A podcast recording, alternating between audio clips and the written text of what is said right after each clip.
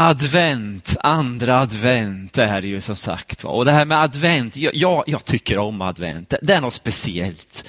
Varje år likadant. Vi har den mörka november, kallt och ruggigt och mörkt framför allt. Och så kommer adventstid, december, då man får sätta upp sina stjärnor och ljusstakar och lampor och vad det nu än är. Det blir på något speciellt sätt, det, det blir lättare, så, så känner jag i alla fall.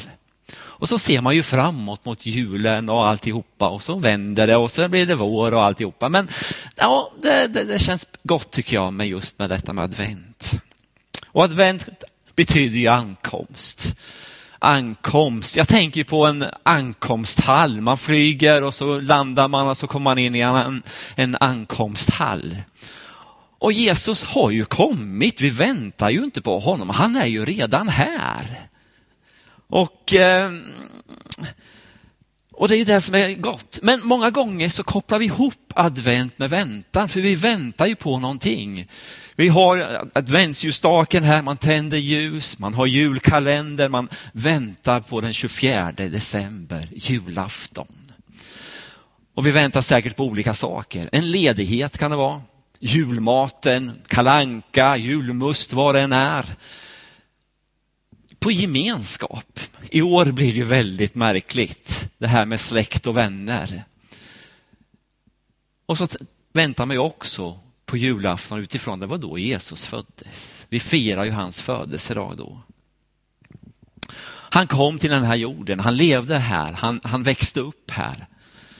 Han, eh, ja, han var Messias, Guds son. Han gjorde under och tecken, han dog men han uppstod igen. Och eh, han lämnade himlen. Eller hem lämnade, ja det gjorde han. Men han lämnade jorden skulle jag säga han får upp till himlen. Men det står i Bibeln att han ska komma tillbaka. Och jag vill ta med er till Apostlagärningarna 1, 6-11 där. Och det står så här. När de nu var samlade frågade honom, Herre, är tiden nu inne då du ska återupprätta riket åt Israel? Han svarade dem, det är inte er sak att veta vilka tider eller stunder som Fadern i sin makt har bestämt. Men när den heliga ande kommer över er ska ni få kraft att bli mina vittnen i Jerusalem, i hela Judeen och Samarien och ända till jordens yttersta gräns. När han hade sagt detta såg de hur han lyftes upp och ett moln tog honom ur deras åsyn. Medan de såg mot himlen dit han steg upp stod det plötsligt två män i vita kläder hos dem. De sa, Galileer, varför står ni här och ser mot himmelen? Denne Jesus som togs upp från er till himlen, han ska komma tillbaka på samma sätt som ni såg honom stiga upp till himlen. Jesus kom en gång, men han ska komma tillbaka en gång till. Det står klart och tydligt här. Två änglar kom och, och sa det här till de som var där, att han ska komma tillbaka. Men när sker det här då? Hur, hur kommer det vara? När händer detta? Ja, att han ska komma tillbaka, det står det mycket om i Bibeln på flera ställen. Men det här med att hur det ska vara, ja men det står, det gör det. Men inte helt klart att man kan säga, ja men då kommer det ske. Jag tänker på Lukas evangeliet kapitel 21 där det står vissa saker, hur det ska vara på jorden då. Det står om krig, det står om eh, svält och jordbävningar. Det står om pest, sjukdomar som ska svepa över jorden. Det står om att de kristna ska förfölj bli förföljda. Och vi kan verkligen stryka under på allt detta, att det, ja, det ser ut så. Jorden lider. Djuren lider, människor lider utöver vår värld. Jag tänker på alla plaster som finns i, i havet som, som vissa djur får i sig fiskar och valar och vad det nu är. Jorden lider på olika sätt. Men då finns det en sak till och det är att alla människor ska få höra om Jesus. Sen ska han komma tillbaka. I detta kaos som jag vill faktiskt benämna situationen vi är i så kan vi tappa hoppet. vi kan tappa tron på Gud, tron på oss själva till och med. Men i Johannes 14 så säger Jesus det här. Låt inte era hjärtan oroas. Tro på Gud och tro på mig. Det är vad Jesus säger till dig och till mig. Så om man nu fortsätter att läsa det här sammanhanget så, så står det faktiskt om att han är uppe i himlen och förbereder plats åt, det, åt oss. Låt inte era hjärtan oroas. När Jesus kommer tillbaka, då ska han upprätta ett rike av fred. Och han kommer döma rättvist. All våld, hat, ondska, sjukdomar och allt vad det är, det kommer försvinna på något sätt. När han träder in på arenan, han som är kung, och han ska upprätta Guds rike. Ja, det kommer bli fantastiskt, det kommer inte beskrivat. Gud ska komma och döma rättvist. Jag tänker på en bild.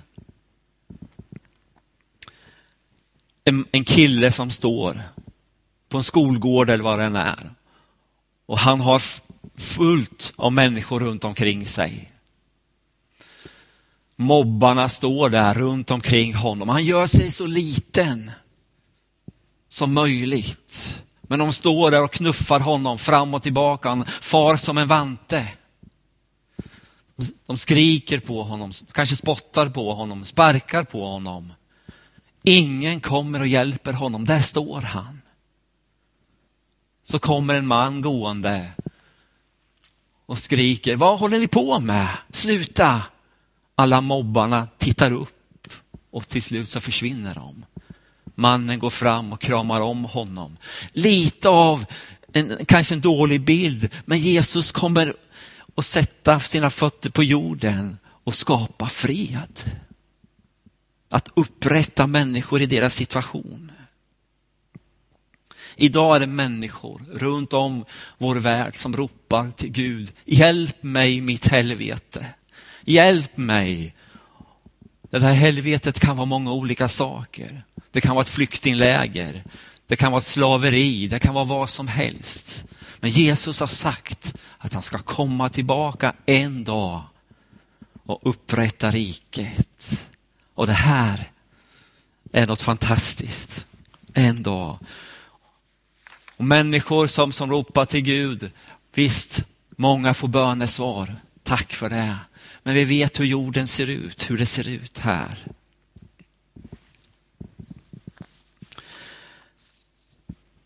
Paulus, han skriver så här i första Thessalonikerbrevet 4. Trösta därför varandra med dessa ord. Vilka ord? Jo, att han ska komma tillbaka. I en annan översättning står det trösta och uppmuntra varandra. Det är någonting som är positivt. Paulus försöker verkligen beskriva det här. Förstå, det är någonting stort att Jesus ska komma tillbaka och upprätta alltihopa. I Fesebrevet står det, skriver Paulus också, 1.18, så står det så här. Jag ber att era hjärtans ögon ska få ljus så att ni förstår vilket hopp han har kallat er till. Paulus försöker verkligen stryka under det. Förstå det här nu. Fatta det här. Det är något positivt som kommer, något enormt.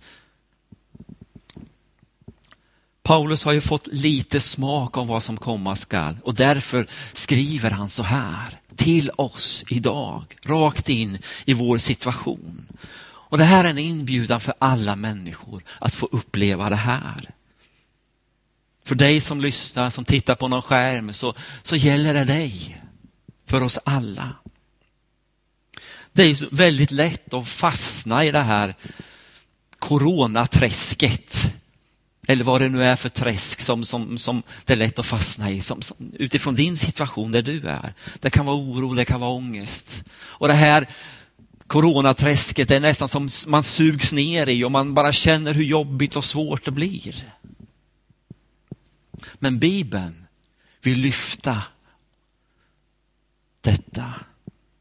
Han vill lyfta, Bibeln vill lyfta oss och utifrån de här få bibelorden som jag har stannat vid, trösta varandra, uppmuntra varandra. Förstå, det är något positivt, något, något hopp som vi har framför oss. Se det här. Jag tänker på en man i, i gamla testamentet, Gideon. Han eh, fick ett uppdrag av, eh, av eh, Gud att göra ett, en sak. Men det var helt omöjligt mänskligt sett. Så de hade väl något litet samtal där.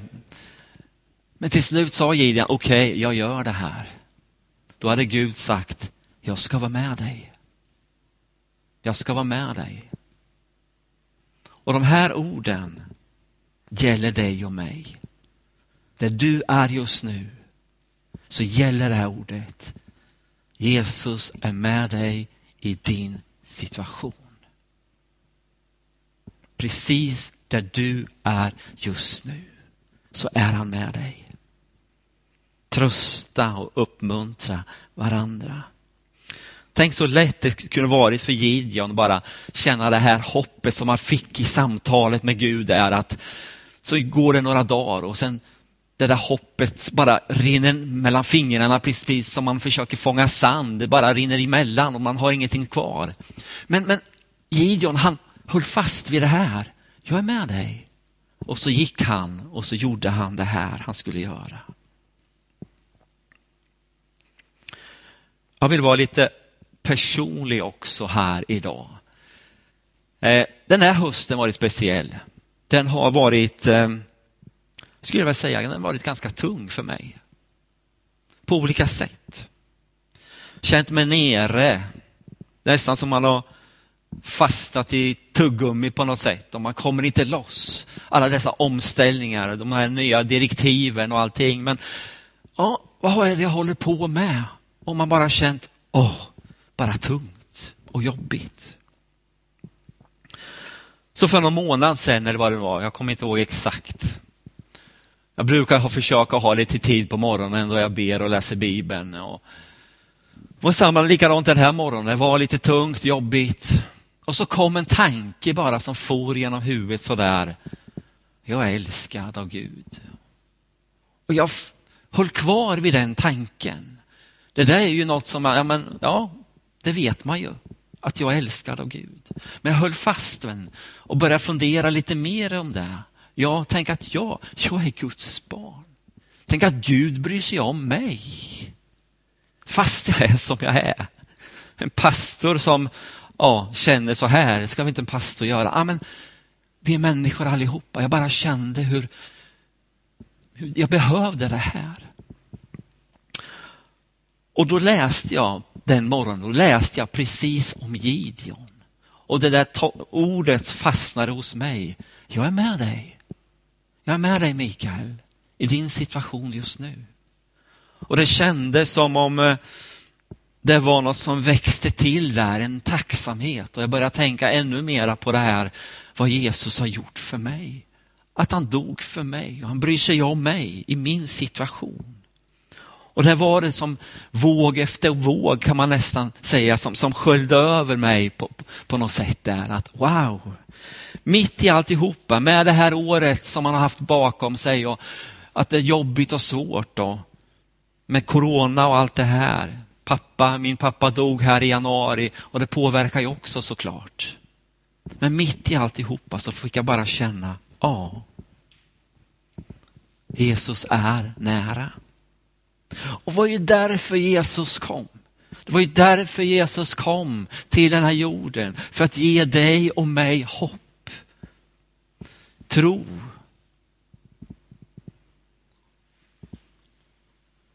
Och jag vet inte, men du kanske sitter här och lyssnar eller tittar på det här just nu.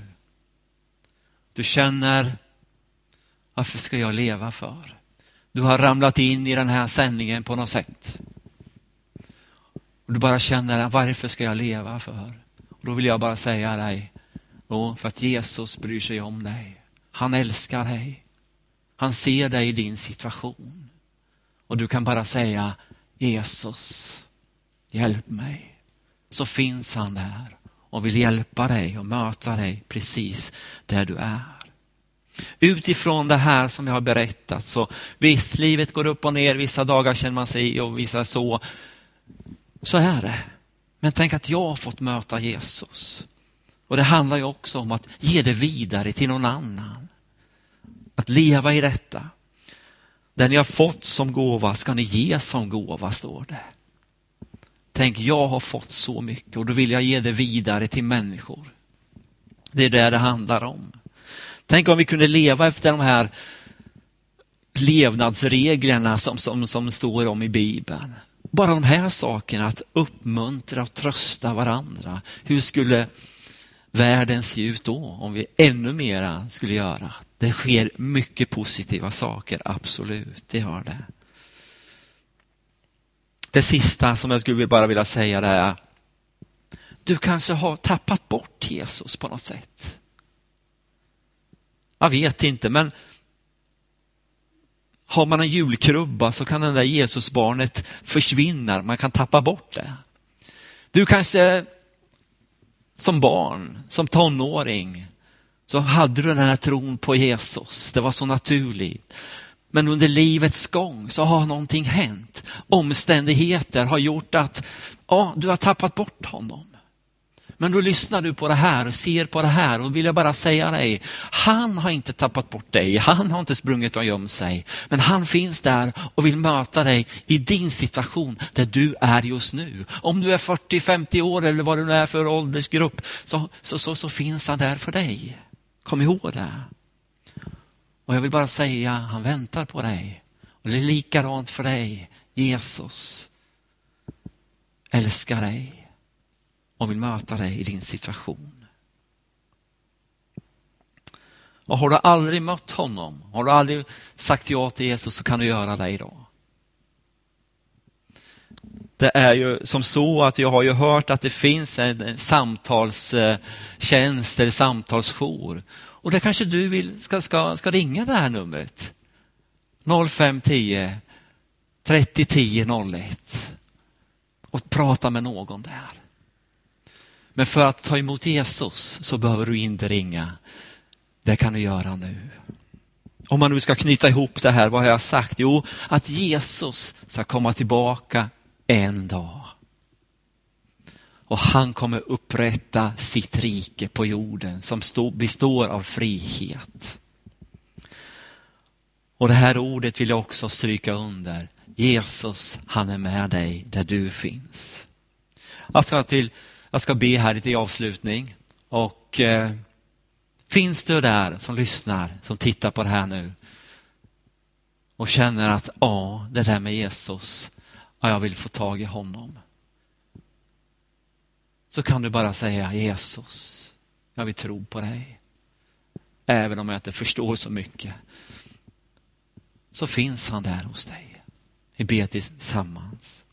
Jesus, jag tackar dig för att du kom till den här jorden. Du kom med liv, du kom med hopp. Tack älskar Jesus för att du också ska komma tillbaka en dag. Även om det, denna jord skakar och mår inte bra så vet vi att vi får förtrösta på dig och att du är med oss och vill hjälpa oss. Du ser var och en som lyssnar och som finns med i den här sändningen Jesus. Tack att du känner oss, du är med och tack att du vill möta var och en just nu. Och tack att du kan eh, frälsa människor den här stunden. Jag tackar dig för din trofasthet. Jag tackar dig för din kärlek. Jag tackar dig för din omsorg, att du ser oss var och en där vi är. I Jesu namn. Amen.